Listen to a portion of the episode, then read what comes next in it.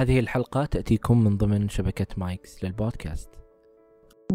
بروح بتحاول إنها تهون على نفسها الكلام اللي سمعته منك. صح لا تعطيني أمل كاذب بس كمان يعني راعي الأسلوب اللي تتكلم فيه مع إنسان موجوع وتقول له عن الحقيقة المرة. فالأسلوب ليه أثر ممكن يعني يفضل مع المريض أو مع الشخص سنين طويلة من حياته يكون في مرحلة إنكار يكون في مرحلة رفض.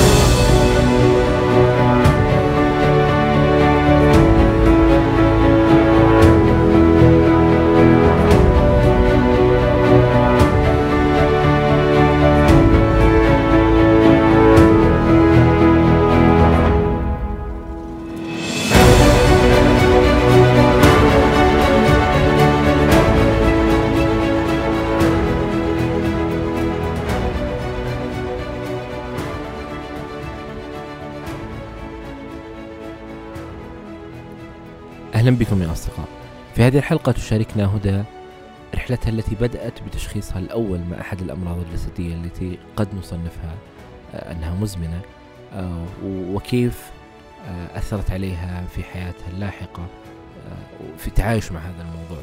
كيف تغيرت نظرتها للصحة النفسية تجربتها في زيارة العيادة مع المختص النفسي مع الطبيب والأخصائي النفسي والأدوية النفسية والتجربة بشكل كامل وما يدور حولها من من من أحداث شاركتنا يمكن من أول مرة حصلت على التشخيص حتى قبل آه، تسجيل آه، هذه الحلقة.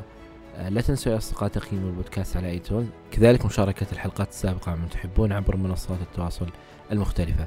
أي شخص حاب يشارك تجربته معنا هنا البودكاست أتمنى منك أنك تتواصل معي على العنوان البريدي وهو أسامة وجدان dot com كل شيء ذكرناه في هذه الحلقة تجدونه في وصف هذه الحلقة. وشكرا لكم. أنا أسامة بن جيفان وهذا وجدان.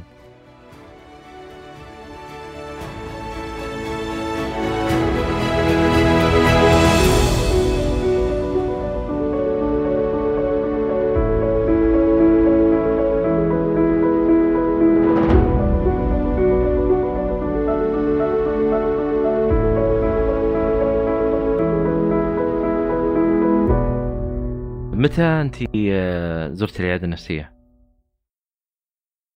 أول مرة زرت العيادة النفسية كانت في مايو عشرين عشرين في رمضان. بس عشان أوصل أنا لهذه النقطة كانت قبلها في رحلة خليني أقول. آه أنا تقريبا يعني أقدر أقول إنه أنا عندي اكتئاب والبداية الحقيقية للاكتئاب أو بداية الشعور بالضيق المستمر كان في أكتوبر 2019 فمن أكتوبر 2019 إلين مايو 2020 كانت كده أحداث مرة كثيرة صارت.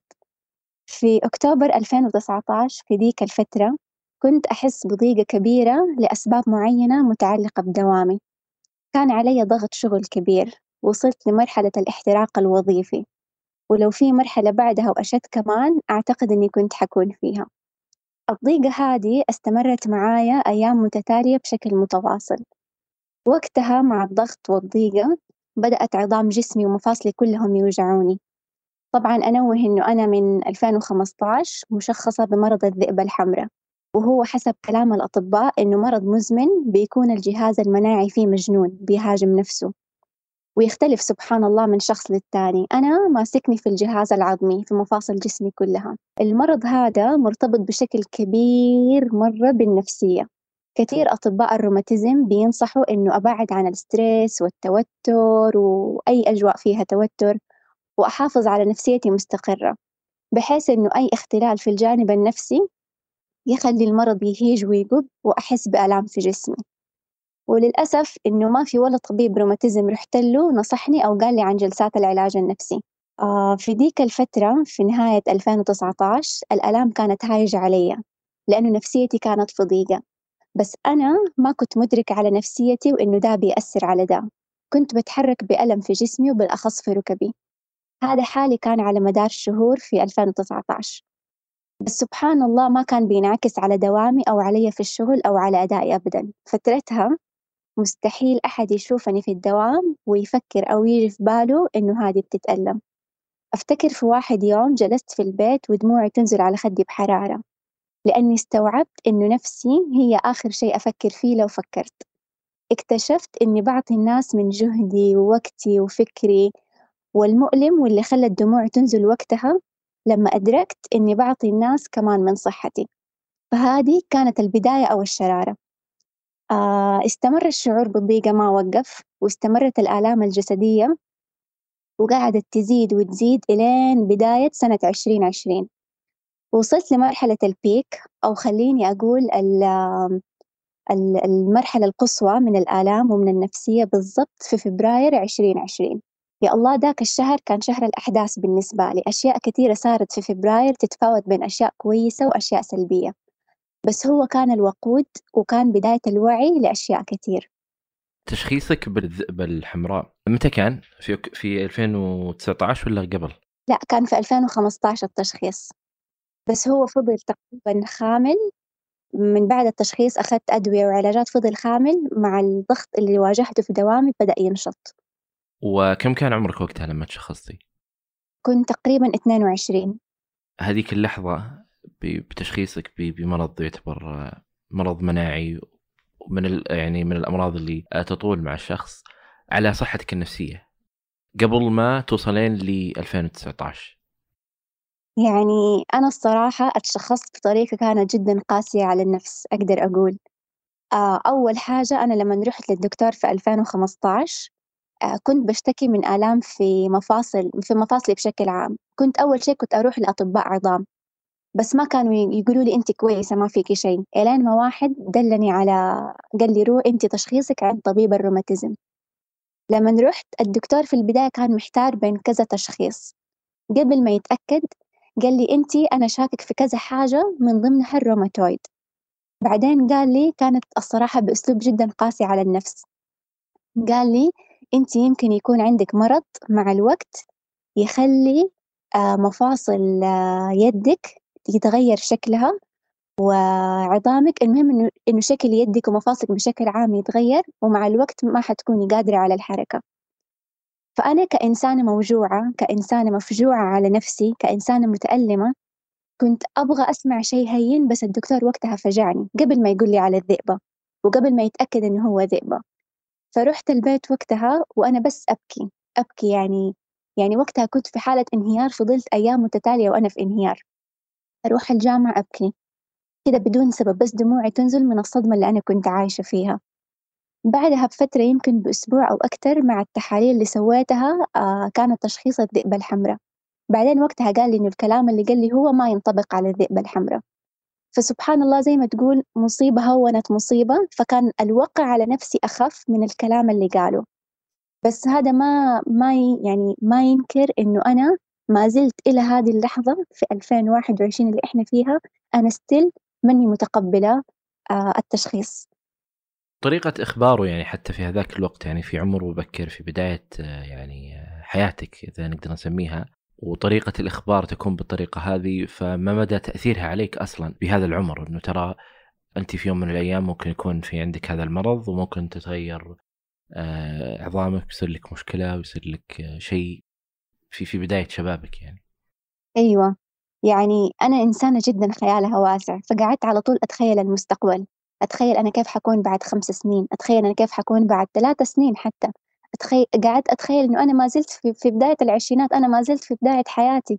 إيش حسوي لما أوصل مثلا بعد كام سنة كيف حكون؟ فكان وقع على نفسي جدا جدا جدا قاسي كان.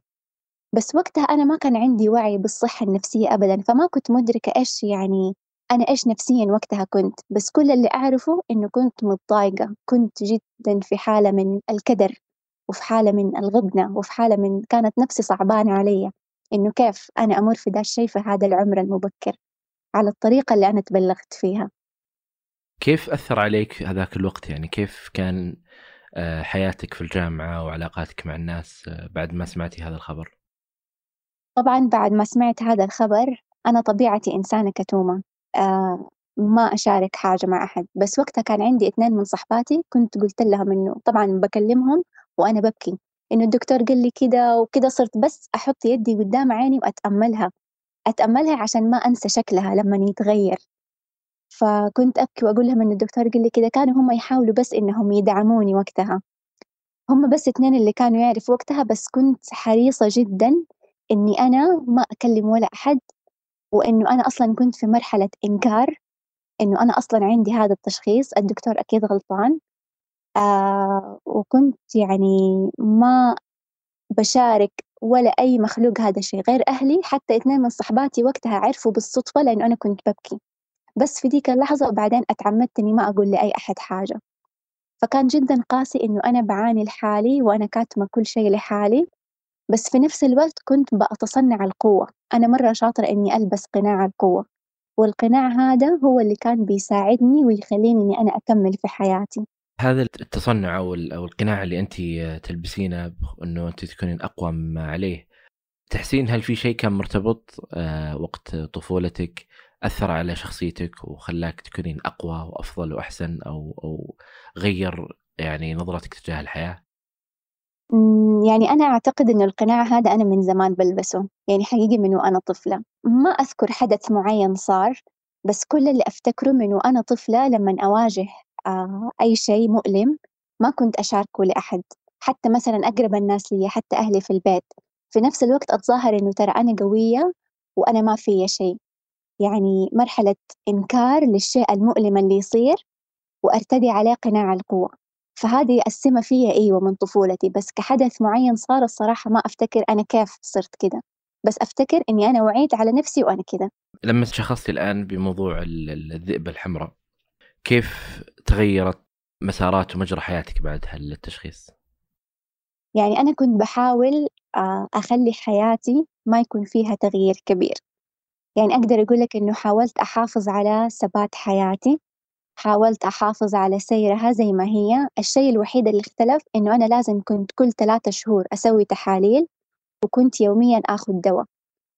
فهذا الشيء اللي اختلف. آه يعني لأول مرة أحس مع التحاليل هذه إنه الزمن بيجري بسرعة لأنه الفترة بين التحليل والتاني أحسها بسرعة عدت. يعني ما كنت أستوعب إنه معقولة مرة ثلاثة شهور معقولة مرة خمسة شهور مثلا لأنه أحيانا كنت أطول عن ثلاثة شهور.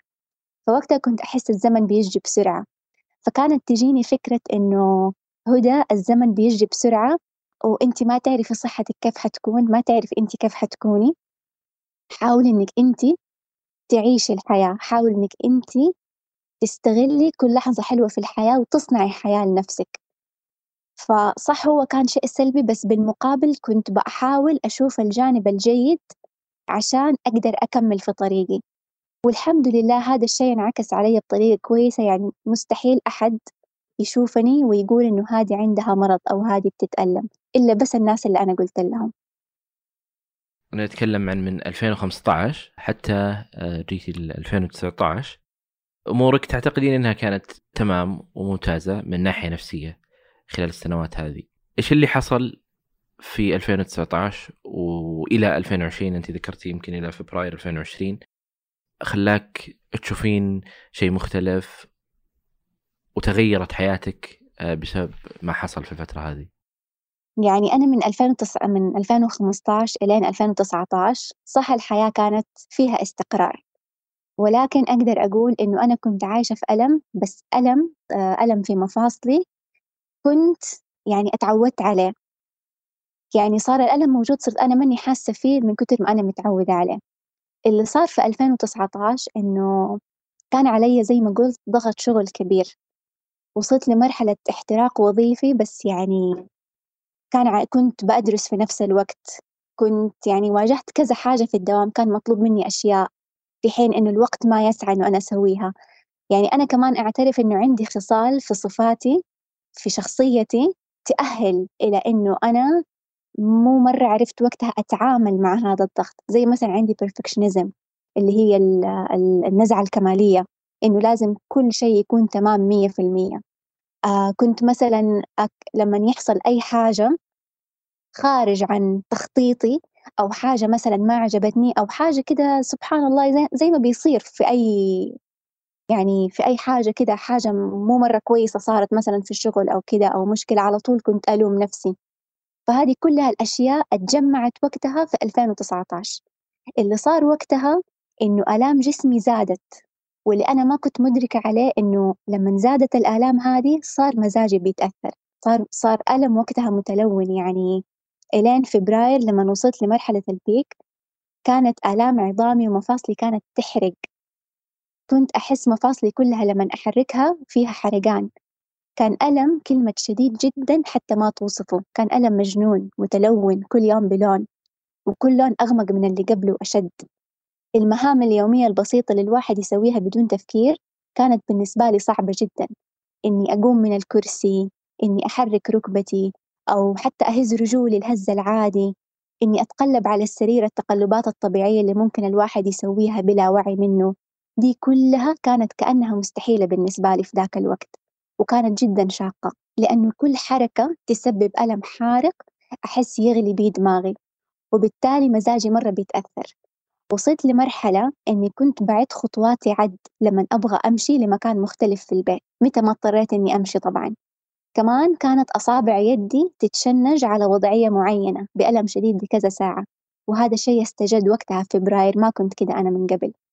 ولأول مرة في حياتي من لما تشخصت بالذئبة أشوف إنه مزاجي بدأ يتأثر من آلام جسمي العجيبة. كنت في دوامي سبحان الله أحس بدي الآلام أيوة. ولكن الله كان بيعطيني قوة أواصل وأقوم بعملي بدون أي تقصير وعلى أتم وجه. بس تيجي الساعة خمسة. الساعة اللي ينتهي فيها دوامي وأوصل البيت تحول لشخص كأنه مشلول. أغلب الوقت بعد ما أرجع من الدوام أكون متمددة تجنبا لأي حركة وبالتالي تجنبا لأي ألم. وصلت لمرحلة الشيء الوحيد اللي بيتحرك في جسمي بدون ألم هو عيني. رقبتي وراسي يديني كوعي كتفي رجولي ركبتي كل حتة في جسمي فيها ألم. ألم حارق لا يحتمل. كنت ما بنام إلا بمسكن والمسكن حقيقي ما كان بيسوي شيء غير إنه بيخفف الألم تكة بسيطة اللي يخليني أغفى بس أو أحس بطعم النوم. أفتكر كمان لما كنت باخد مسكن بقول يمكن المسكن يخفف الضيقة اللي أنا حاستها ويا ريت كان الوضع كده من جد. فيعني كنت بواجه آلام جسدية رهيبة الصراحة لو قعدت لين بكرة أوصفها ما حوقف لما أفتكر ديك الفترة أقول سبحان من أعطاني طاقة التحمل وأدعي إن الآلام العجيبة اللي عشتها وقتها ما ترجع. وقتها في ذاك الشهر في فبراير اللي صار باين على وجهي إنه في شيء. ملامحي بدأت تتكلم عن التعب اللي جوتي. أفتكر في الدوام صار كذا أحد ينفجع من شكل وجهي ويسألني بفجعة إنه هدى إيش بك؟ رغم إني بكون جالسة عادي في حالي ما بسوي شيء بس كان منعكس على ملامحي إني في ضيقة إني مكتومة إني في كرب. أفتكر كمان جات علي فترة وقتها ما كنت متحملة الناس ولا متحملة أي صوت. في دوامي وقت ال break كنت أفضل في مكتبي أتجنب ال lunch room عشان لا أختلط أو أضطر أتكلم مع أي أحد. وفي البيت لا شعوريا كنت أسد إذني بيدي لو أحد يتكلم جنبي. لما خلاص وصلت لمرحلة من عدم تحمل الآلام قررت أروح لدكتور روماتيزم لأني كنت موقفة أروح لدكاترة تقريبا وقتها لأكثر من سنة.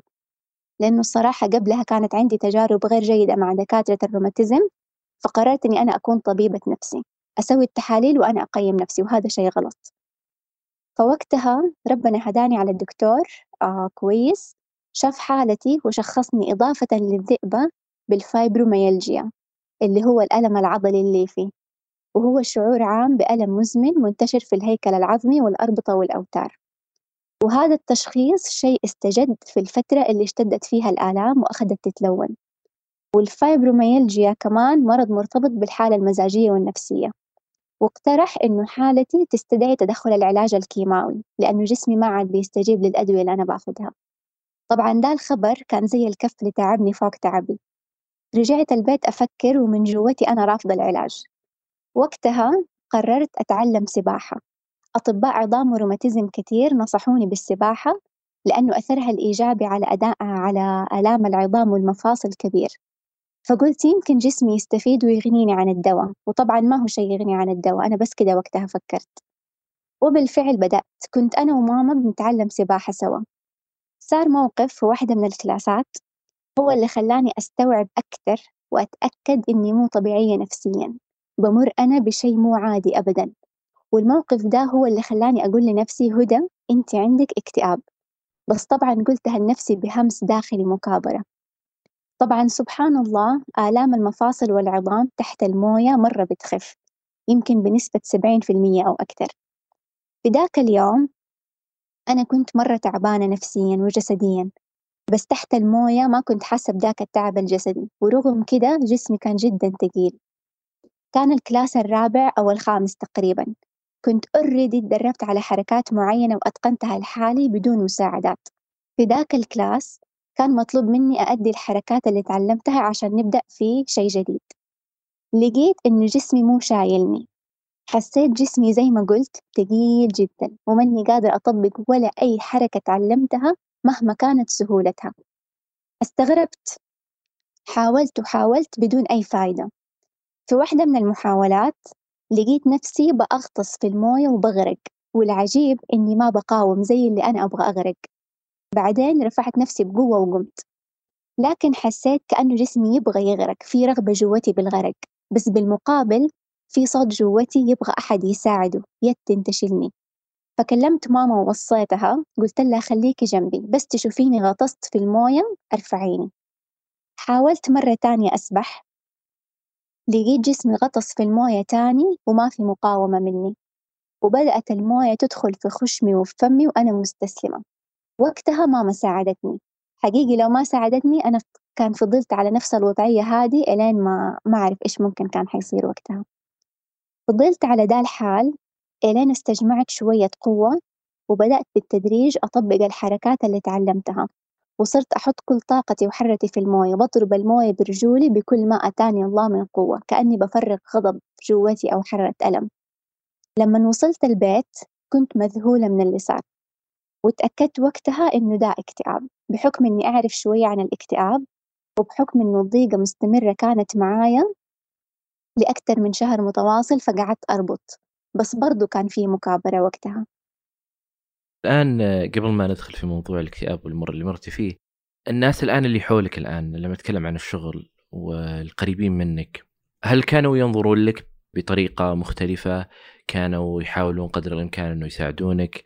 آه، فيه نوع من التعاطف تجاه الشيء اللي أنت تمرين فيه؟ آه، سواء كان مديرك أو أو زملائك في العمل. لما عرفوا مثلا بموضوع مرضك أو حتى لو ما عرفوا هم يشوفون عليك التعب فيتفهمون هذا الشيء أو كان عكس هذا. لا هو في البداية أصلا أنا ما كنت قايلة لأحد إنه أنا عندي آه ذئبة. يعني أفتكر أول ما بدأت دوام بس كتبت في الورق بس شفهيا ما قلت لأحد فبالتالي ما كان أحد يعرف. وزي ما قلت إنه ما كان أصلا يبان علي. بس في ديك الفترة لما كان باين على ملامحي يعني كان تعامل عادي. ما كان في مثلا آه، إنه تعاطف أو يعني كان كأنه إنسانة طبيعية بتداوم بس إنها بتمر ممكن بشيء ظروف أو كده. يعني ده اللي كان بيصير وقتها. إنه أنا ما كنت قايلة لأحد وحتى لما أكون أنا تعبانة كنت أتحامل على نفسي وأداوم عشان ما أبغى أبين لأحد إنه أنا فيا شيء. يعني ما أفتكر إنه أنا قد طلبت إجازة عشان أنا عشان أنا حاسة بآلام في عظامي أو مفاصلي. لا كنت بتحامل على نفسي. أبغى أنا تعامل طبيعي ما أبغى شفقة آه ما أبغى معاملة خاصة وكنت بداوم عادي. حتى سبحان الله في الدوام أنا كنت مرة أنشغل بالدوام فكان شغلي بعملي بي بيشغلني عن إني أفكر في تعبي. فكان هذا برضو عامل مؤثر.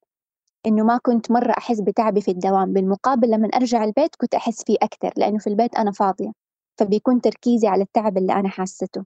آه، هل تعتقدين تقبلك للمرض أو عدم تقبلك أثر على عدم رغبتك في طلب المساعدة أو آه، إنه انت تأخذين آه، يعني شيء زيادة غير عن الموظفين الباقين بحكم إنه هذا المرض الجسدي يؤثر على أصلا عليك وعلى حياتك وعلى عملك وعلى شغلك؟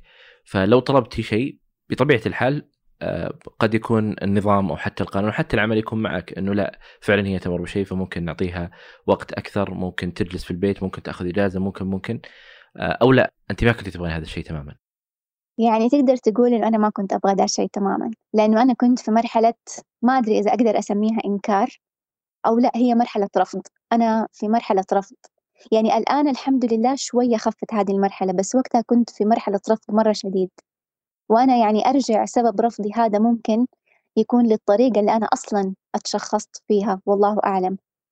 فأنا كنت في مرحلة رفض فكنت بالتالي رافضة أي مساعدة مهما كان نوعها. أيوة إذا كان في تقبل أكتر كانت ردة فعلي ممكن حتكون غير. بس في نفس الوقت يعني بفضل الله ما أعتقد إنه أنا واجهت ألم يضطرني إني أجلس في البيت. صح في ديك الفترة اللي الألم كان فيها حارق ومتلون في بداية فبراير كنت أحتاج أيوة إني آخذ إجازة كنت أحتاج بس لأ ما كنت بطلب مكابرة مني فالتقبل لي دور مرة كبير. الفترات هذه يعني أحيانا آه، الشخص يمر بعدد من المواقف يمر بعدد من التجارب قبل ما يحصل له شيء آه، يؤثر عليه بشكل كبير.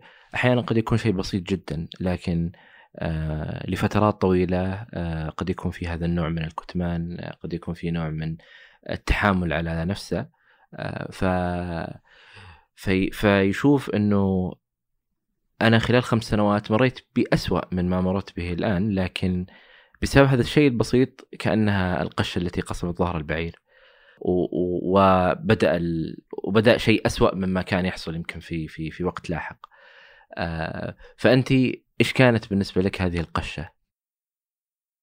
ماني عارفة أحدد الصراحة شيء معين كان هو القشة بس أنا يمكن القشة اللي أنهكتني وقتها هو التغير المفاجئ في الآلام. آه موقف معين صار ما أذكر بس أنا وصلت لمرحلة صرت أشك إنه أنا بس عندي ذئبة. يعني أنا قلت لما رحت للدكتور وشخصني كمان بالفايبروميالجيا أنا كنت نفسيا مستعدة إنه ترى أنا في شيء غير الذئبة لأنه أنا أعرف آلام الذئبة. بس اللي كنت بمر فيه كانت آلام غير. وسبحان الله كان برضو أسلوب الدكتور وقتها غير فأنا الآن أقدر أقول إنه أنا متقبلة الفايبروميالجيا أكثر من تقبلي للذئبة. فوقتها طبيعة الآلام وطبيعة يعني الآلام حقيقي اللي أنا كنت حاسة فيها هي اللي ما عاد صارت تخليني أتحمل أي شيء لأنه كانت جدا غير جدا غير عن أي شيء واجهته خلال الخمس سنين اللي فاتت. أو بالرغم أنه الشيء اللي البسيط اللي هو طريقة إخبار المريض بالتشخيص مدى تأثيرها عليه يعني في في حياة لاحقة وسابقة. ممكن أحيانا الدكتور آه، يمر عليه عدد مختلف من الحالات ولا آه، ويكون التشخيص هذا دارج عنده بشكل يومي آه، لكن ما ينتبه للتفاصيل البسيطة اللي قد تغير حياة شخص. صحيح. أنا أفتكر إني أنا كنت بروح للدكتور أنا كان عندي مشكلة مع كلمة مدمن كنت رافضة إنه هذا الشيء حيستمر معايا طول عمري فكنت أروح للدكتور بأملي وكنت أقول له إنه دكتور إن شاء الله اللي أنا بمر فيه هذا الشيء أنا حتخطاه زي كأنه مطب حعدي عليه. فكان كده يطالع فيا زي كده بطلة غريبة ويجلس على الكرسي حقه زي العالم ويقول لي إنه هدى اللي بتمر فيه هذا شيء مزمن وحتفضلي طول عمرك على الأدوية. فحتى هذا الأسلوب كان بالنسبة لي قاسي يعني أنا جاياك بأملي أنا جاياك ب... بروح بتحاول إنها تهون على نفسها الكلام اللي سمعته منك. صح لا تعطيني أمل كاذب بس كمان يعني راعي الأسلوب اللي تتكلم فيه مع إنسان موجوع وتقول له عن الحقيقة المرة.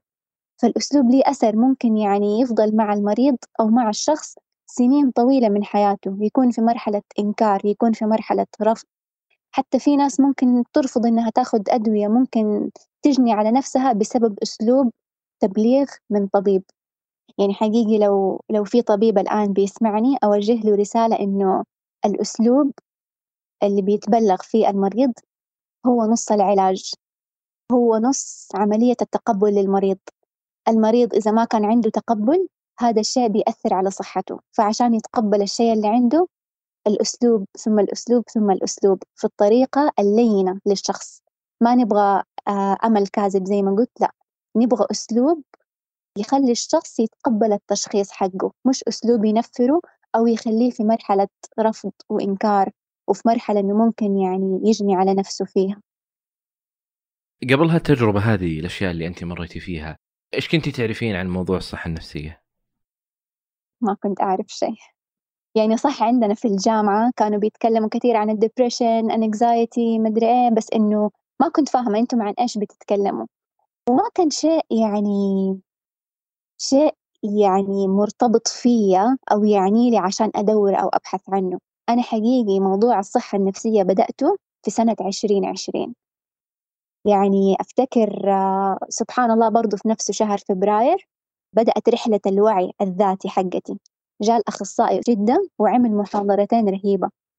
واحدة بتتكلم عن التعامل مع نقص تقدير الذات وواحدة عن التعامل مع المشاعر السلبية. سبحان الله وقتها ربي أداني قوة أحضر وقدرت أحضر. وكانت هذه لحظة التنوير النفسي الحقيقية بالنسبة لي.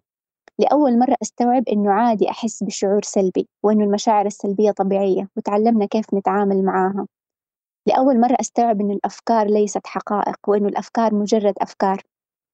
كان أثر دي المحاضرتين مرة رهيب على نفسي وحقيقي جات في وقتها. الله يعطيه العافية. فكانت ال mind blowing moment أدركت وقتها أشياء مرة كثيرة صحية ولله الحمد. أتكلم كمان عن الإيجابية الغير واقعية واللي أنا كنت عايشة فيها. أتكلم عن التفكير الواقعي وأشياء كثير. وقتها يعني صح أنا ما كان في طاقة ما كان في حيل بس وقتها بدأت الأمور المتعلقة بالصحة النفسية بدأت كده تتنور قدامي وبدأت يعني أستمتع وأسمع لها أكثر من أول. والأمور اللي حصلت برضو يعني نتكلم في 2020 يمكن هذه بداية حتى موضوع الجائحة. يعني ممكن صارت يمكن أعتقد في شهر ثلاثة. كيف كانت حياتك خلال أيضا هذه الفترة؟ فترة الجائحة والحجر. طيب قبل فترة الجائحة في كده كم شيء صار؟ في نفس الشهر برضو في فبراير الله كان مدني بالقوة إني أضيء لغيري فكنت أحضر مناسبات متعلقة بتخصصي. وكنت بوجه وبتفاعل وبشجع وبحتوي الناس وكانت بتوصلني منهم رسائل إيجابية. كنت مرة أستغرب إنه شكرا يا أستاذة هدى كنت طاقة إيجابية ومن ذا الكلام. فكنت مرة أستغرب كيف أنا عايشة في ظلمة كيف هم حسوا بالنور مني؟ أنا عايشة في ضيقة كيف هم حسوا بالوسع والاحتواء؟ ومجرد ما يخلص ال event أرجع البيت وتبدأ الدموع تنزل بصمت. فاستوعبت وقتها إني وصلت مرحلة إنه المفرحات والأشياء اللي أحب أسويها ما هي إلا مسكنات لحظية. يعني وقت ال event أكون نشيطة وأعطي وأتفاعل بس أرجع البيت وأرجع للواقع ترجع الضيقة والخنقة تمسكني. في ديك الفترة برضو صار في كره شديد للدوام. ما أبغى أداوم وهذه أبدا مو طبيعتي. أنا مهووسة شغل وعارفة لما أوصل لدي المرحلة يعني أحتاج break. فقلت الحل إني آخذ إجازة عشان أشحن نفسي وأستعيد طاقتي. طبعا أخذت إجازة برضو بدون ما أقول أنا إيش بي وأنا في إيش بمر بس كذا طلبت إجازة فكانت الإجازة أول أسبوع من March. عادة في الإجازات آه بشكل عام أكون كويسة. بس سبحان الله تقرب الإجازة تخلص ويبدأ الدوام تبدأ الآلام ترجع كأنه عقلي ربط وعمل connection بينهم. نفس الشيء صار. سبحان الله خلصت إجازتي وداومت يوم بضيقة شديدة بعد ما كنت في الإجازة شبه كويسة. إلا اليوم الثاني يقولوا لنا إننا حنداوم من البيت عشان كورونا. وقتها بدأ الحجر.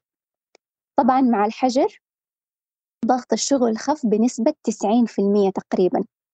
وبالتالي آلام جسمي خفت بنسبة 80% بدون مبالغة. صرت قادرة أتحرك عادي. صح في آلام خفيفة لكنها شيء لا يذكر مقارنة باللي كنت بحسه بالحرقان اللي كان بيفور دماغي. وبالتالي كمان نفسيتي مرة تحسنت تحسن كبير ما أوصفه وقتها جاتني الطاقة إني أبدأ أعالج نفسي بنفسي لأني كنت أكابر أروح لأخصائية نفسية. إنه خير أنا هدى أحتاج جلسات نفسية وكأنه إيش؟ ما أعرف الصراحة إيش كانت فكرتي عن العلاج النفسي بالضبط وقتها بس كنت متيقنة إنه اللي بمر فيه شيء I can handle. شيء أقدر أسيطر عليه وأتعامل معاه فبدأت بالاهتمام بصحتي النفسية. من أكثر المصادر اللي ساعدتني وقتها محاضرتين أستاذ أسامة الجامعة اللي حضرتها في نهاية فبراير كانت لي كمرجع. كمان كتاب الخروج عن النص للدكتور محمد طه. أهدتني هو واحدة صاحبتي الله يسعدها يا رب كانت معايا بشكل متواصل في ذيك الفترة. كمان كتاب الحياة مشاعر برضو للأستاذ أسامة الجامع دي الكتابين ساعدتني أتبصر بذاتي وساهمت في تغيير أفكار كتير كانت في مخي. صرت ما ألوم نفسي على أي شعور أحسه أو أجلد ذاتي كتير زي ما كنت بسوي. ساعدني كمان إني كنت بعمل mindfulness باستمرار اللي هو التيقظ الذهني. هو ال application يعطي تعليمات صوتية وأنا أتبع معاه. يساعد على التركيز في اللحظة التركيز في الآن. يساعد كيف نتصرف لما تزورنا أفكار وقت التأمل وإنه ده شيء طبيعي. وفضلت الحمد لله نفسيا مستقرة ومتحسنة وكأني لم أصب باكتئاب. إلين ما حصل موقف بسيط في مايو عشرين عشرين كان وقتها رمضان. الموقف هذا شقلب كل شيء حرفيا كل شيء.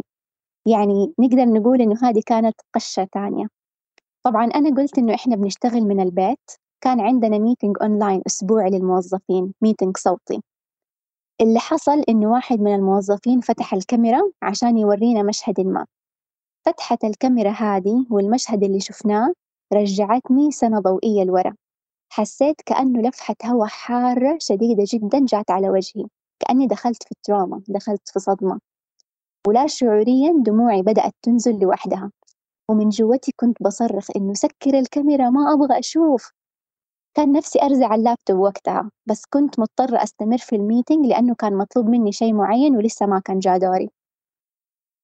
بعد ما خلص ال meeting رجعت أبكي تاني من قلب وماني عارفة ليش. بس كده بكى ودموع بكى ودموع. ومن وقتها وأنا مو كويسة. من دي اللحظة بدأ الانهيار. كأني طحت في حفرة عميقة غامضة ما فيها نقطة نور وما لها قاع. ويوم بعد يوم بدأت أعراض الاكتئاب ترجع تاني وتزيد وتزيد. حسيت وقتها إنه كل شغلي اللي اشتغلته على نفسي راح في مهب الريح. قعدت أقول لنفسي معقولة قد كده الأساس كان هش عشان في أول مطب أطيح الطيحة دي وأتعنقل زي كده؟ حقيقي الاكتئاب شقلب لي حياتي. فقدت شهيتي للأكل. قعد وزني مرة ينزل ولما آكل أحس الأكل ماسخ وصرت آكل كده كم لقمة بس عشان ما أطيح من طولي. فقدت استمتاعي وشغفي بكل شيء كنت بسويه حرفيا.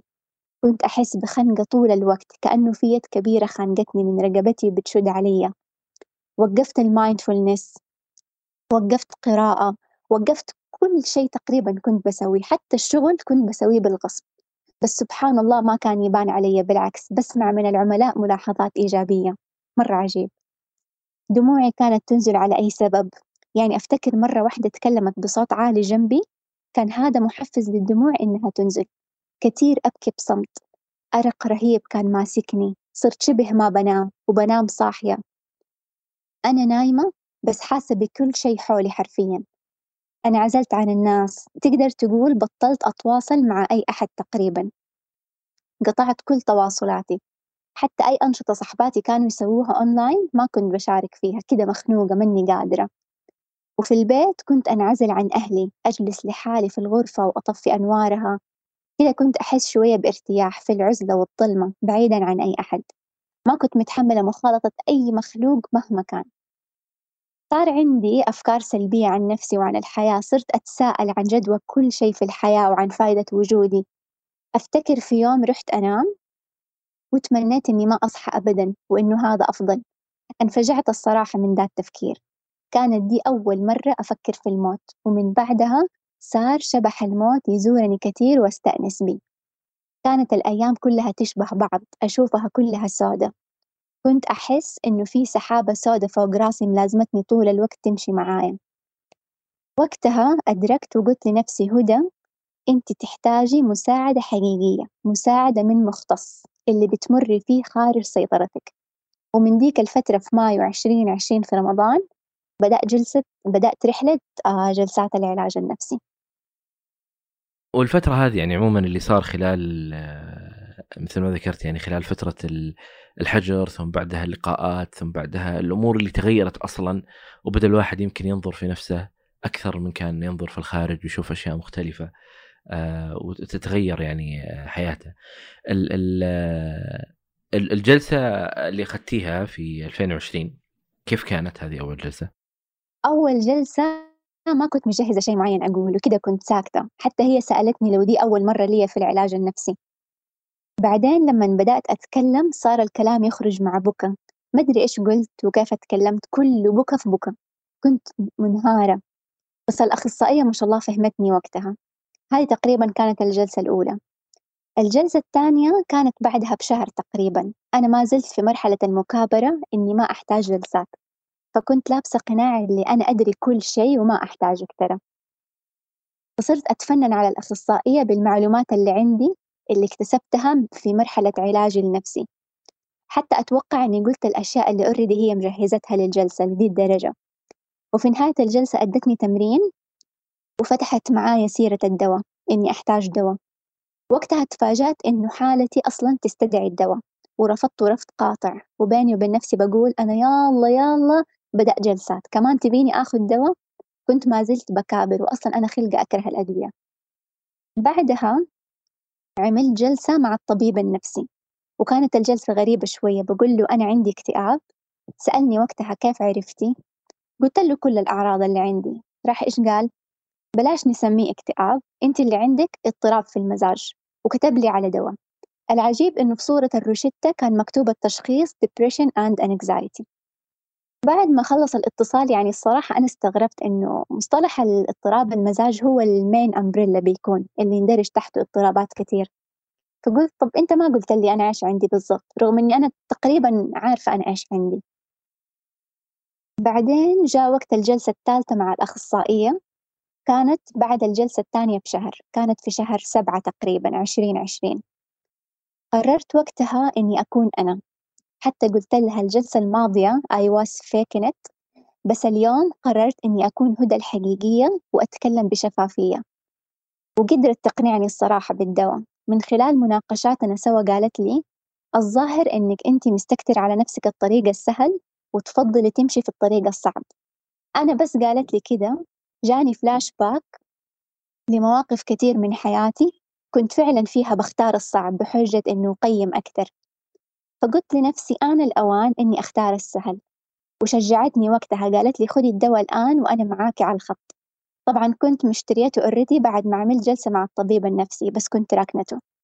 ليه بقول دي التفاصيل في الثلاثة جلسات الأولى؟ عشان أوجه رسالة لأي أحد يبغى يبدأ رحلة العلاج النفسي ويحتار ويشيل هم إيش يقول. ترى أنا مريت بدا الشيء والأخصائي عنده المهارة اللي تخليك تتكلم فلا تشيلوا هم دي النقطة. يعني مو لازم تكون مجهز هرجة وعادي كم جلسة تمر وتحس إنك مو أنت وإنك ما تبى تتكلم. في النهاية لما تحس براحة حتكون أنت وحتتكلم عادي. وبدأت الدواء. إيش اللي كان يعني مخيف بالنسبة لك في موضوع الدواء؟ الصراحة أنا قعدت أسأل نفسي مرة كثير عن ذا السبب إنه ليش أنا ما أبغى آخذ دواء؟ أنا قلت السبب قد يعود والله أعلم إلى إنه أنا في بداية تشخيصي بالذئبة كنت بآخذ كمية أدوية مرة رهيبة. كان كده كيس مليان أدوية يعني في اليوم الواحد كنت آخذ يمكن سبعة أو ثمانية أدوية. فوقتها جاني نفور من الأدوية. فأنا قلت يعني كمان تبيني آخذ دواء فوق اللي أنا باخده؟ فهو مو إنه عشان فكرة إنه كدواء نفسي لأ. إنه كنت يعني اتصدمت إني أنا أصلا أحتاج دواء زائد إنه أنا ما أبغى آخذ دواء. فبليز لا تجيبي لي سيرة أدوية. فأنا قلت ممكن قد يكون هذا السبب. كم أخذتي جلسات آه، مع الأخصائية؟ أنا الصراحة كان لي رحلتين في العلاج النفسي. الرحلة الأولى أخذت تقريبا 13 جلسة على مدار آه آه سبعة شهور. وكيف كانت الجلسات؟ المرحلة الثانية إيش كانت؟ مع أخصائية ثانية؟ أيوة بدأتها من بداية سنة 2021 ومستمرة فيها إلى الآن. المرحلة الأولى هذه كيف تقيمينها؟ كيف أقيمها؟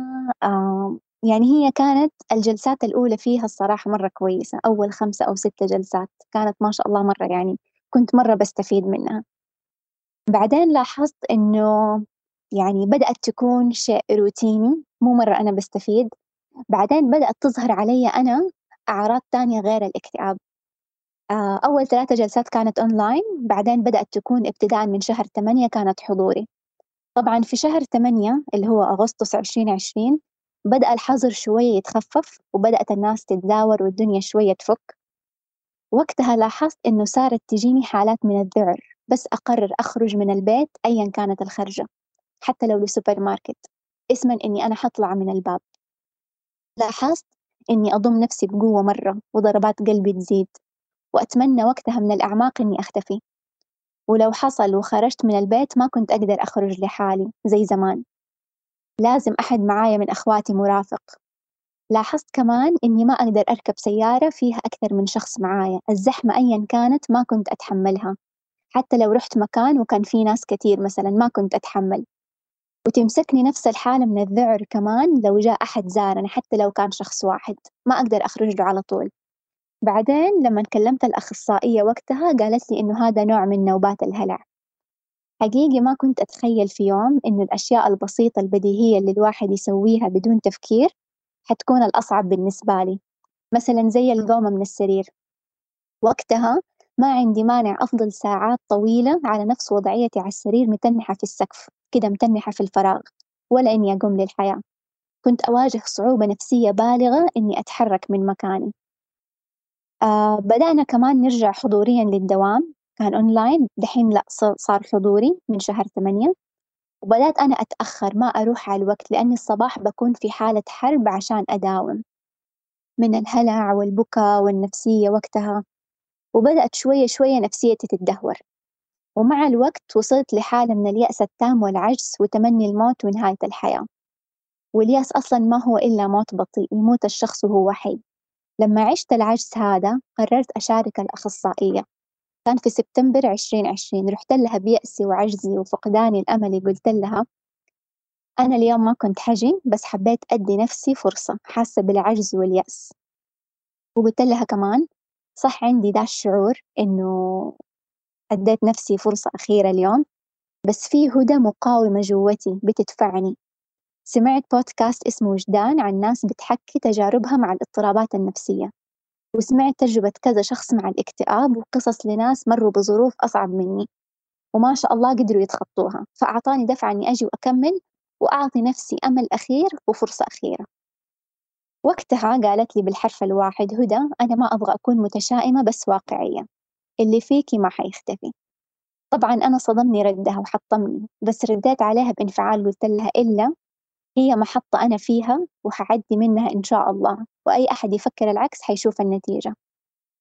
وقتها عقلي سوى بلوك لكلامها بس روحي استقبلته وأنا مو حاسة. رجعت البيت وأنا الدنيا مو سايعتني في ضيقة رهيبة. وأخذت لي زاوية دموعي بس تنزل شلالات. فكرة مرعبة إني ما حتحسن وإني حفضل كده بعاني من دا الضيق ودا الاكتئاب. فكرة مرعبة إنه كل جهدي في الشهور اللي راحت ما هو إلا هباء. دي الرسالة اللي أنا استقبلتها. بعدين في جلسة تانية سألتها لأنه من لما بدأنا جلسات ما جات سيرة الاكتئاب. سألتها قلت لها أنا عندي اكتئاب؟ قالت لي أيوة. سألتها إيش درجته؟ ردت الاكتئاب درجات في خفيف وفي متوسط وفي شديد وفي مزمن اللي عندك مزمن. هنا كان كفتاني الصراحة. جوابها كمان ما أقنعني لكن صارت تجيني أفكار زي معقولة الضيقة دي حفضل عايشة فيها طول عمري؟ معقولة طعم الحياة الطبيعية اللي كنت عايشته ما ححس بيه تاني؟ وقتها دخلت في يأس فوق اليأس وقررت أوقف الدواء وما عاد أرجع للجلسات كأني بعاقب نفسي. وقفت الدواء تماما تقريبا ثلاثة أيام. وكان عندي جلسة مع الطبيب النفسي كنت حكنسلها بس الصوت المثابر اللي جوتي كان أقوى وخلاني ما أكنسل وأروح. حكيته اللي صار وسألته متى نقول عن الاكتئاب إنه مزمن. طبعا أنا أنا إلى الآن عندي مشكلة مع كلمة مزمن أيا كان التشخيص. قال لي لما يكون الشخص أخذ كفايته من العلاج النفسي يعني الجلسات النفسية والدواء ويرجع تاني لنقطة الصفر بعد ما تنتهي فترة التعافي.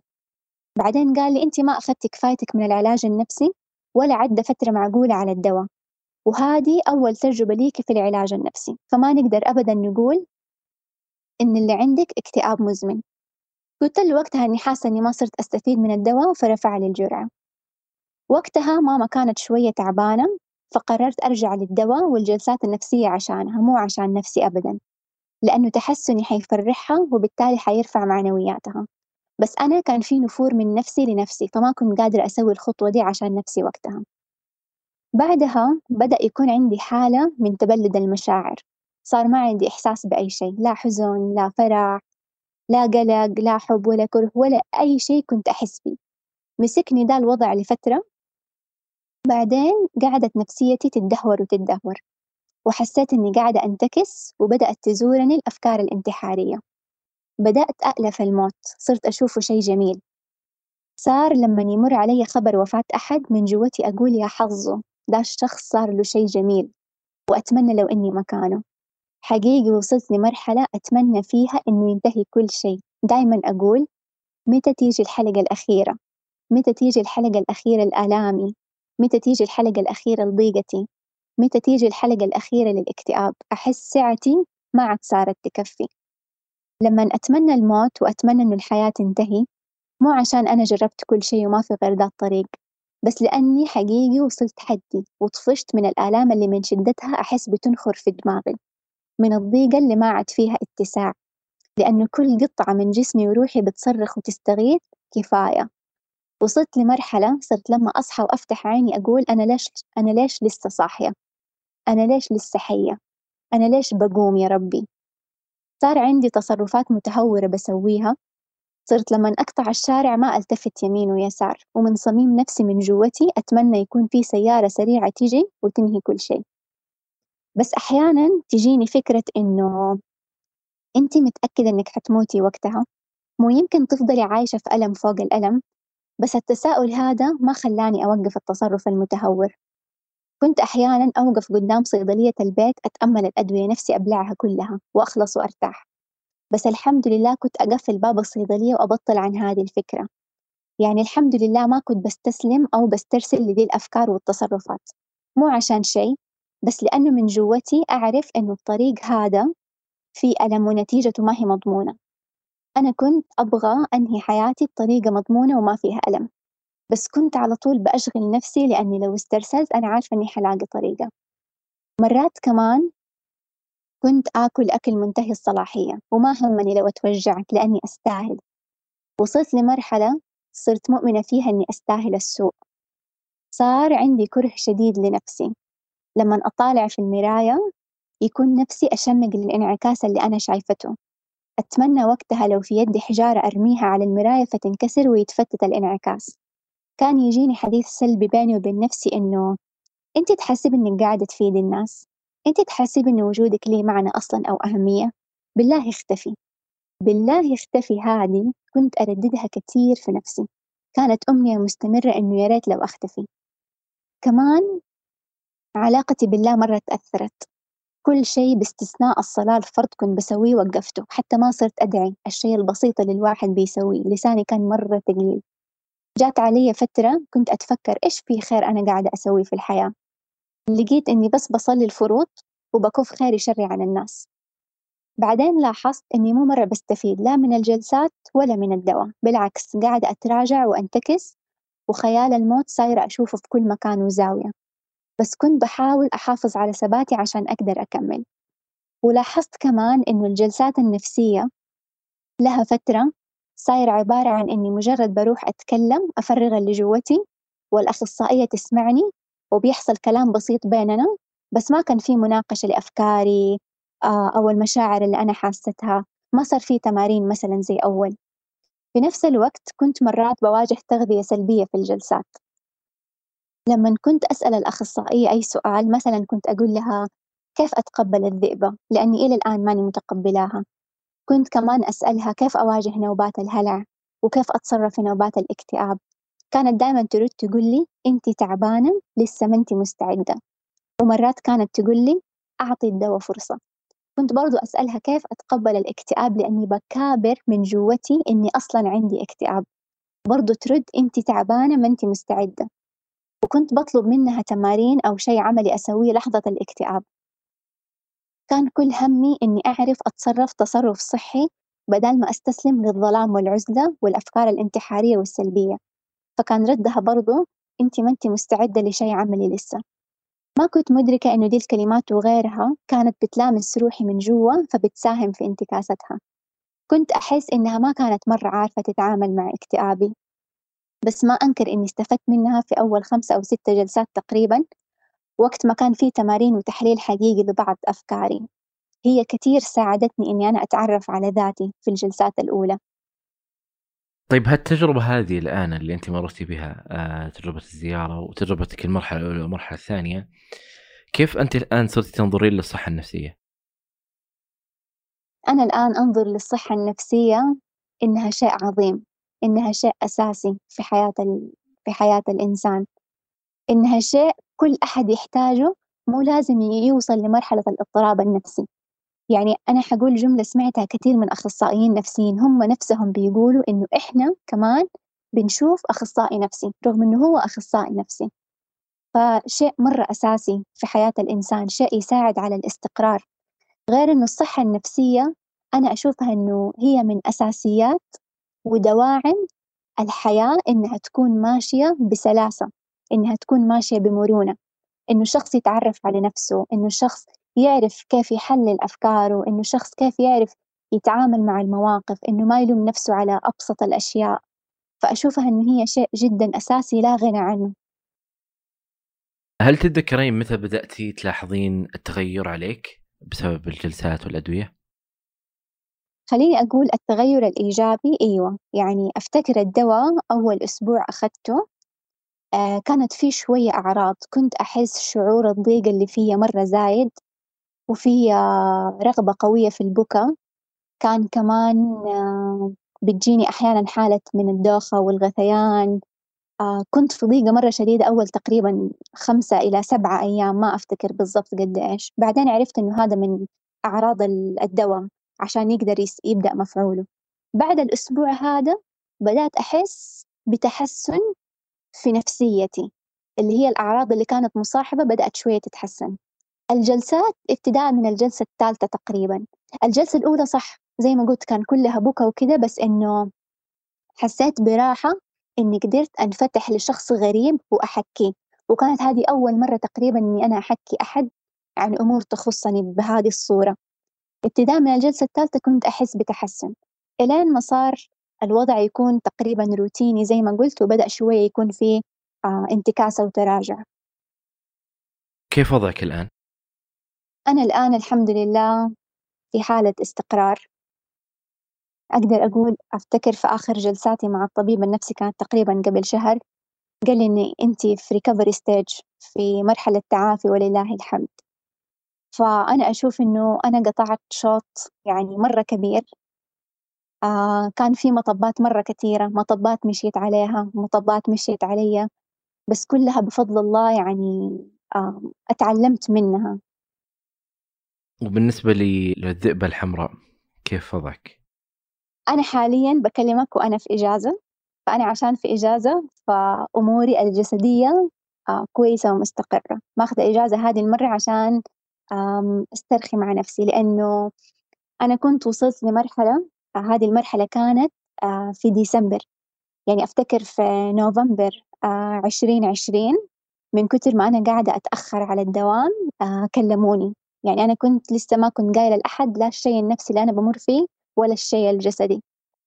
فلقيت رسالة لفت نظر على مكتبي وكانت هذه الرسالة دخلتني في حالة انهيار تاني. آه لأنه جاني شريط طويل للسبب اللي بيخليني أتأخر كل يوم الصباح. ما حد في الدوام كان يعرف أنا إيش بي. بعدها بفترة بسيطة كلمتهم وشرحت لهم أنا إيش الشيء اللي بمر فيه. كانوا متفهمين الحمد لله وسمحوا لي بتأخير بسيط الصباح. بس أنا لقيت إنه ما عاد فيني حيل قدمت استقالتي في أول أسبوع من ديسمبر عشرين عشرين. كنت خلاص واصل الحافة اللي تكة وحطيح مني متحملة. حاولوا معاي إني أتراجع عن الاستقالة وحصلت تغييرات إيجابية في الشغل.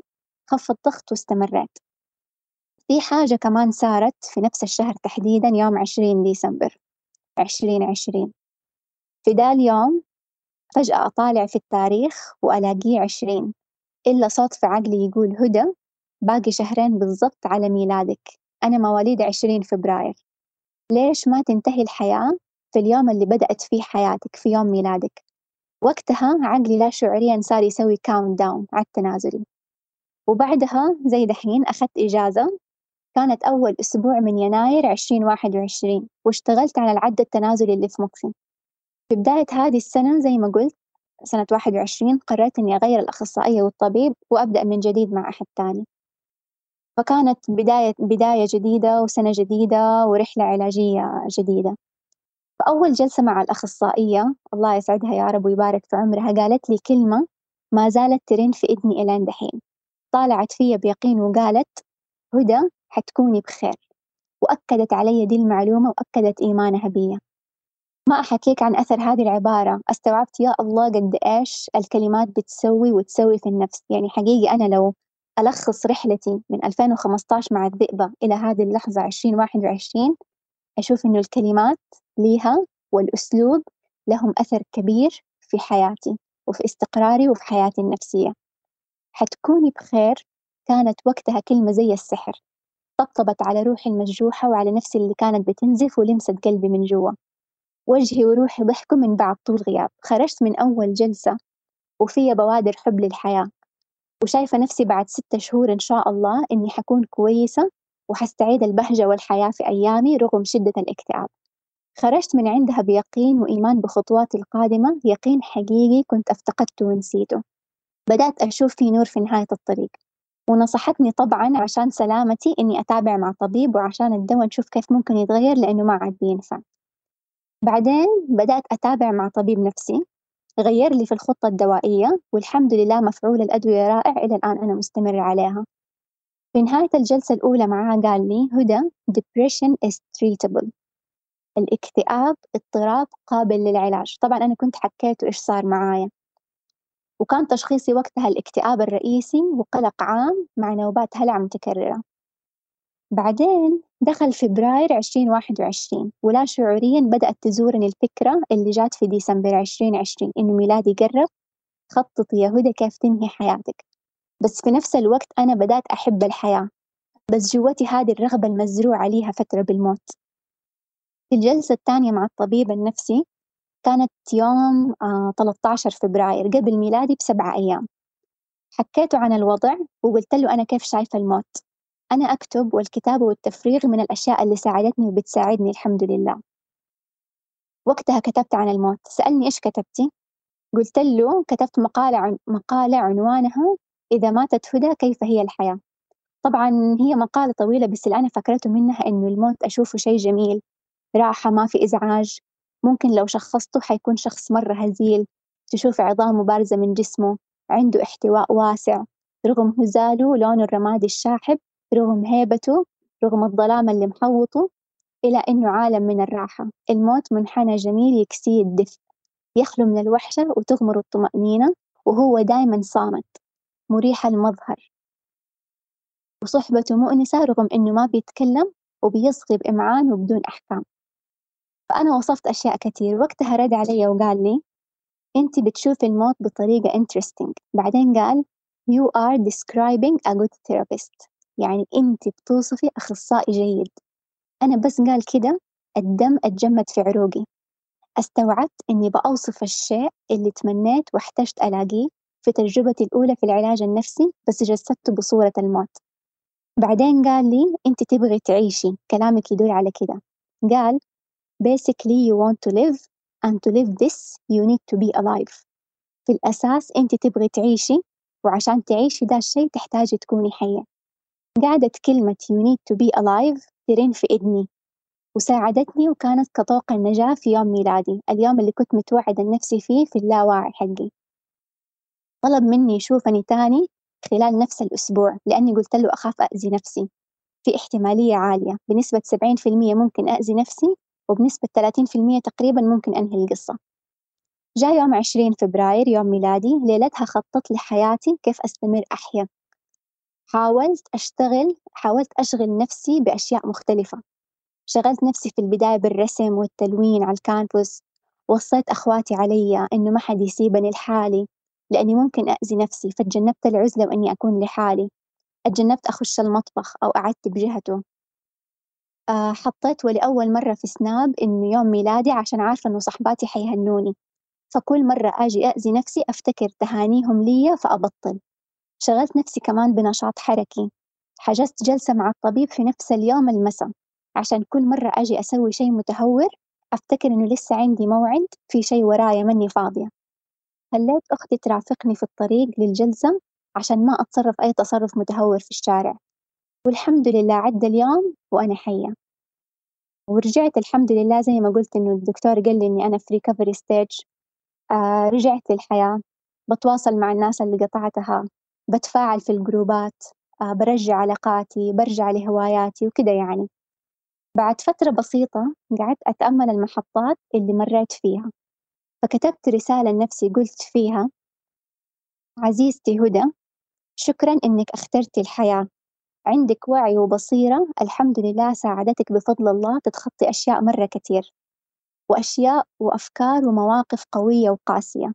لو أحد غيرك ما كانت حتكون نفس ردة الفعل فالحمد والمنة لله. أتأكدي إنه لا يكلف الله نفسا إلا وسعها. هذه سعتك. يعني ده الشيء اللي أنت الوحيدة تقدري تتخطيه وتتجاوزيه وتقدري تتحمليه وتتعاملي معاه مهما كان وزنه. الله ما يحط بطريقك شيء مهما شفتيه تقيل إلا وهو ميسر ومدبر طريقة تعاملك معاه وفي إطار سعتك. أنت الوحيدة ما غيرك أنت الوحيدة اللي تقدر تتخطى كل دي العراقيل. أنت قوية وعادي تمر عليك لحظات ضعف لحظات انهيار لحظات تتمني نهاية الحياة. مريم عليها السلام قالت يا ليتني مت قبل هذا وكنت نسيا منسيا فطبيعي دي المشاعر تعبر. أتقبليها وأتعاملي معاها أو أديها وقتها وسيبيها ترحل بسلام. ممتنة لاختيارك العيش. شكرا ليكي فهذه الرسالة كتبتها لنفسي عشان في كل لحظة ضيقة أو نوبة اكتئاب أو لحظة عجز تمر بيا أقرأ الرسالة فتشحنني والحمد لله بفضل الله حتى أهلي وصحباتي لاحظوا تحسني. صرت مشعة بالأمل الواقعي بفضل الله. بدأت أرجع لسابق عهدي بس بنسخة أفضل مني. حقيقي لو أشبه الاكتئاب أو الظلمة اللي كنت عايشة فيها أو أمثله حيكون زي كأنك في غرفة سوداء سواد كاحل عينك ما تشوف فيها شي وكل ما تحاول في الظلمة تمسك جدار يسندك تلاقيه يتبخر أو يتحول لسراب. فتتعنقل في الهواء وتتخبط أكثر وتطيح. وإنت بتطيح تبغى توصل الأرض وتمسكها عشان تتكي. تلاقي نفسك بتمسك هوا ويدك ما هي راضية توصل لشيء. فتستمر تتعنقل في الظلام وتطيح في الهواء لمكان بدون قاع كده تتشقلب من ظلمة لظلمة. وخلال الطريق تحس إنك مقيد بسلاسل غليظة مربوطة بيها يدك ورجولك. تحس في يد غليظة كاتمتك تحس بالعجز واليأس وكل المشاعر السلبية مجتمعة في قلبك ومخك. وتوصل لمرحلة إنه ما في مخرج غير الموت فتجلس تدور عليه وأحيانا تسعى له. الاكتئاب شيء بشع حقيقي. لما بدأت جلسات نفسية ولله الحمد خاصة الرحلة الثانية والخطة العلاجية الجديدة اللي رسم لي هي الطبيب. عيني لمحت خيط من النور في عز الظلمة. فلقيت إنه في طريق ممكن أمشي عليه. رجولي بدأت تلمس الأرض. يدي بدأت تحس بجدران. عيني بدأت تلمح باب. قدرت أمشي له ووصلت له بفضل الله وقدرت أفتحه أسميه باب الحياة. استوعبت إنه الحياة فيها ألوان بعد ما كنت عايشة في ظلام دامس وعيني ما هي شايفة غير السواد. اكتشفت إنه الحياة ليها طعم حلو. استعدت طعم من الحياة كنت نسيته. واللي ساعدني أوصل لدي المرحلة أشياء مرة كتير رحلتي اللي ذكرتها والمطبات اللي كانت في طريقي آه وجود أهل داعمين وصحبات بيدعموا. ومن دا المنبر أحب أوجه شكر وامتنان عميق لكل صديقة شجعتني واستمرت على تواصل معايا. وجود الصحبات حولي في ديك الفترة كان مرة لي أثر كبير. كمان كنت أرسم كتير أرسم مشاعري أرسم آلامي الجسدية. أرسم بشكل عام. ومن الأمور اللي أنا مؤمنة إنها ساعدت كمان وجود بسس عندنا في البيت. الحيوانات الأليفة سبحان الله بتمد الإنسان بطاقة وعاطفة هو يكون محتاجها. كنت بحضر جلسات دعم جماعية للاكتئاب والهلع ومرة فادتني ولله الحمد. زاد رياضة المشي مع رياضة خفيفة لما كان فيها طاقة كنت بسويها. بقول الأشياء اللي ساعدتني لعلها إنها تفيد أحد كمان بيسمع. خلال رحلتي في أشياء كثيرة مرة تعلمتها ابتداء من أكتوبر 2019 إلى هذه اللحظة. أتعلمت من كل مطب أتعلمت من كل محطة وقفت فيها وعديت فيها وعديت منها من كل شخص ربنا حطه في طريقي كلهم أضافوا لي شيء وأشياء. أتعلمت إنه نفسي تيجي أولا أفكر فيها أول شيء وهذه أبدا مو أنانية. أتعلمت أكون لطيفة مع نفسي لأني كنت جدا قاسية على نفسي. وألومها وأجلدها على أي شيء. أتعلمت أقدر الأشياء الصغيرة والبسيطة صرت أقدر الحركات الجسدية العفوية البسيطة اللي الواحد يسويها حتى بدون تفكير. صرت أكثر تعاطفًا مع أي شخص وأحاول أتفهم اللي حولي وتصرفاتهم، أتعلمت كمان أتقبل الاختلاف مهما كان واتعلمت الإصغاء أكثر وعدم إطلاق أحكام على الأشخاص مهما كان الموقف، أكتر شي كمان اتعلمته إنه الكلمات ما بتروح، الكلمات بتفضل، الكلمات بتستقر في النفس، فصرت أحاول قد ما أقدر إني أنتقي كلماتي مع أي شخص كان، في نقطة كمان اتعلمتها وحابة أشاركها. مرة كنت بتناقش مع الأخصائية الله يسعدها وسألتها كيف أتقبل الاكتئاب. قالت لي كذا نقطة هونت علي مرة كتير وأنا حقولها لعلها تهون على أحد بيسمع. أولا قالت لي أولا لازم أعرف وأتأكد إني مني لحالي. لأني وقت الاكتئاب كان يجيني شعور إني الحالة اللي بتعاني بهذه الصورة واللي بتعاني من الاكتئاب. غير كده سويت خطوات تجاه دا الشيء المزعج. بقرأ كتب تزيد وعيي بروح جلسات علاج نفسي بعمل تأمل بعمل التمارين وغيره. نقطة كمان قالت لي أكثر من نبي عليه السلام مر باكتئاب زي يعقوب عليه السلام. قالت لي تفسير الحالة اللي مر فيها إنه قد يكون اكتئاب حزن الفقد. وابيضت عيناه من الحزن فهو كظيم. ومريم عليه السلام قالت يا ليتني مت قبل هذا وكنت نسيا منسيا وغيرهم عليهم السلام. فالاكتئاب حاجة قديمة بتيجي لأي شخص حتى اللي ربنا اصطفاهم. ليش أنت قررتي تشاركي تجربتك؟ الصراحة عندي كذا سبب خلاني أشارك هذه التجربة معاكم. أول حاجة وهي يمكن النقطة الأساسية إنه أنا طبيعتي إنسانة كتومة ما أشارك مواقفي الخاصة مع الناس. فحبيت أعطي نفسي فرصة إني أخرج من وعائي وأشارك التجربة علها تفيد أحد زي ما أنا استفدت من تجارب غيري كثير في البودكاست اللي شاركوا الله يعطيهم العافية. حبيت أعطي نفسي فرصة كمان لتقبل الاكتئاب والذئبة. أبغى أوصل رسالة لنفسي أولا ولغيري إنه ما هو شيء عيب أو حرام عشان أخبيه أو ما أتكلم عنه. غير كده أبغى أبغى أقول للناس اللي بتمر في اللي بمر فيه سواء الذئبة أو الفايبروميالجيا أو الاكتئاب والقلق وغيره إنكم ما أنتم لحالكم. كمان عادي الواحد يمر في العلاج النفسي بتجارب جيدة وغير جيدة أهم شيء يستمر. إذا ما ارتحت لأخصائي معين روح لأخصائي تاني أهم شيء تكمل. طبيعي مرة مرحلة الأبس أند داونز ما أنت لحالك اللي بتمر فيها. هذه المطبات هي اللي بتمهد الطريق لمرحلة التعافي. حبيت كمان إني أقول لكل شخص عنده اكتئاب كلمة الأخصائية الله يسعدها حتكون بخير وحتكوني بخير فقط اسعى وتوكل. لو فيه من الآن اللي يسمعون الحلقة أطباء ما أتكلم عن أطباء نفسيين أطباء بمختلف تخصصاتهم مش ممكن تقولي لهم؟ أقول لهم الجانب النفسي في حياة المريض جدا مهم. أنا ولا طبيب قال لي على الجانب النفسي بالعكس في أطباء لما كنت أروح لهم خاصة لما بدأت رحلة العلاج النفسي كنت أتابع كان في نوع من الاستخفاف من من اللي هو الجلسات النفسية. يعني هذه قالت لي حرفيا جلسات نفسية وحتاخدي أدوية وحتدمني. ومدري إيه ومن ذا الكلام. هذا أبدا غلط. هذا هذا الكلام مو صحيح. الأدوية ما بتسبب إدمان. هذا أولا.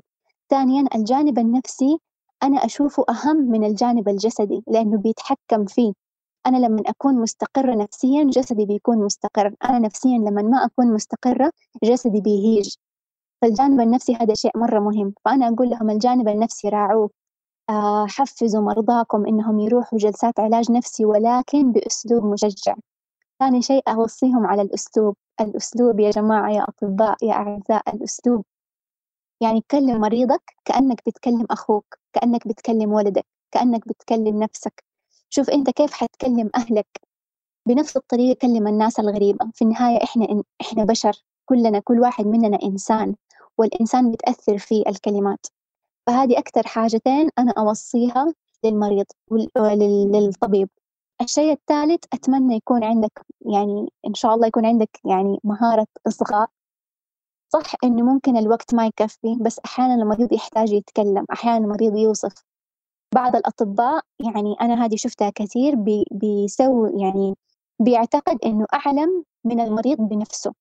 لا أنا أعلم بنفسي خليني أتكلم وأسمعني لا تعطي افتراضات.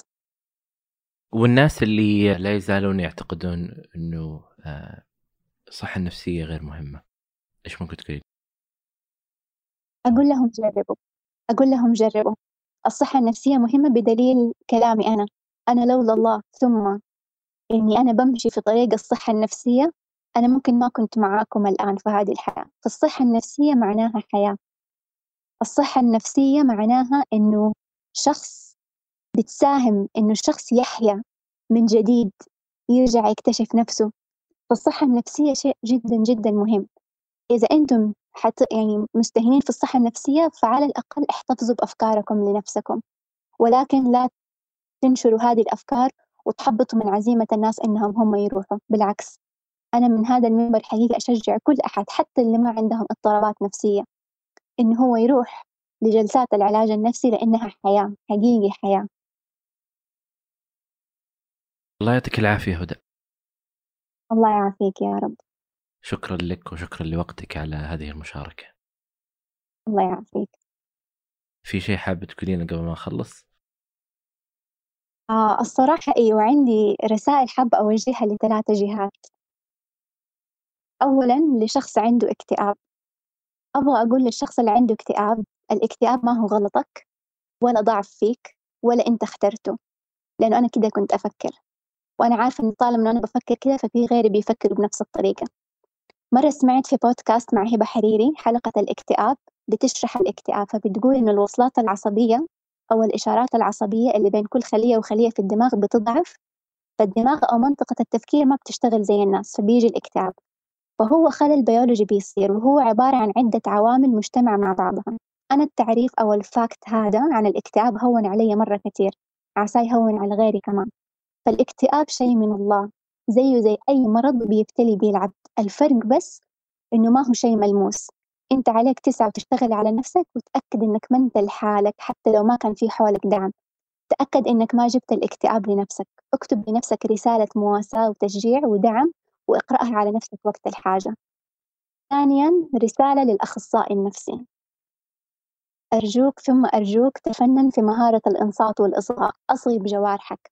ولما تطالع عميلك طالع فيه بنظرة يقين وأمل نظرة تفهم أو نظرة حيادية بس ما تكون نظرة يأس أو نظرة تخلو من التعاطف. ترى الوجه بيتكلم وأحيانا بطريقة أبلغ من الكلام نفسه الوجه بيوصل رسائل للعميل وبتأثر عليه. غير كده العميل يحتاج يثق فيك يحتاج يتقبل فكرة إنك شخص غريب عنه حيفتح لك قلبه كمان أتكلم مع العميل أنا عارفة إن هذه أشياء بديهية بس بتصير في بعض الجلسات. أتكلم مع العميل بدون أحكام. خليك قد ما تقدر حيادي. أعطي العميل الإرشاد والمفاتيح والتمارين اللي يحتاجها.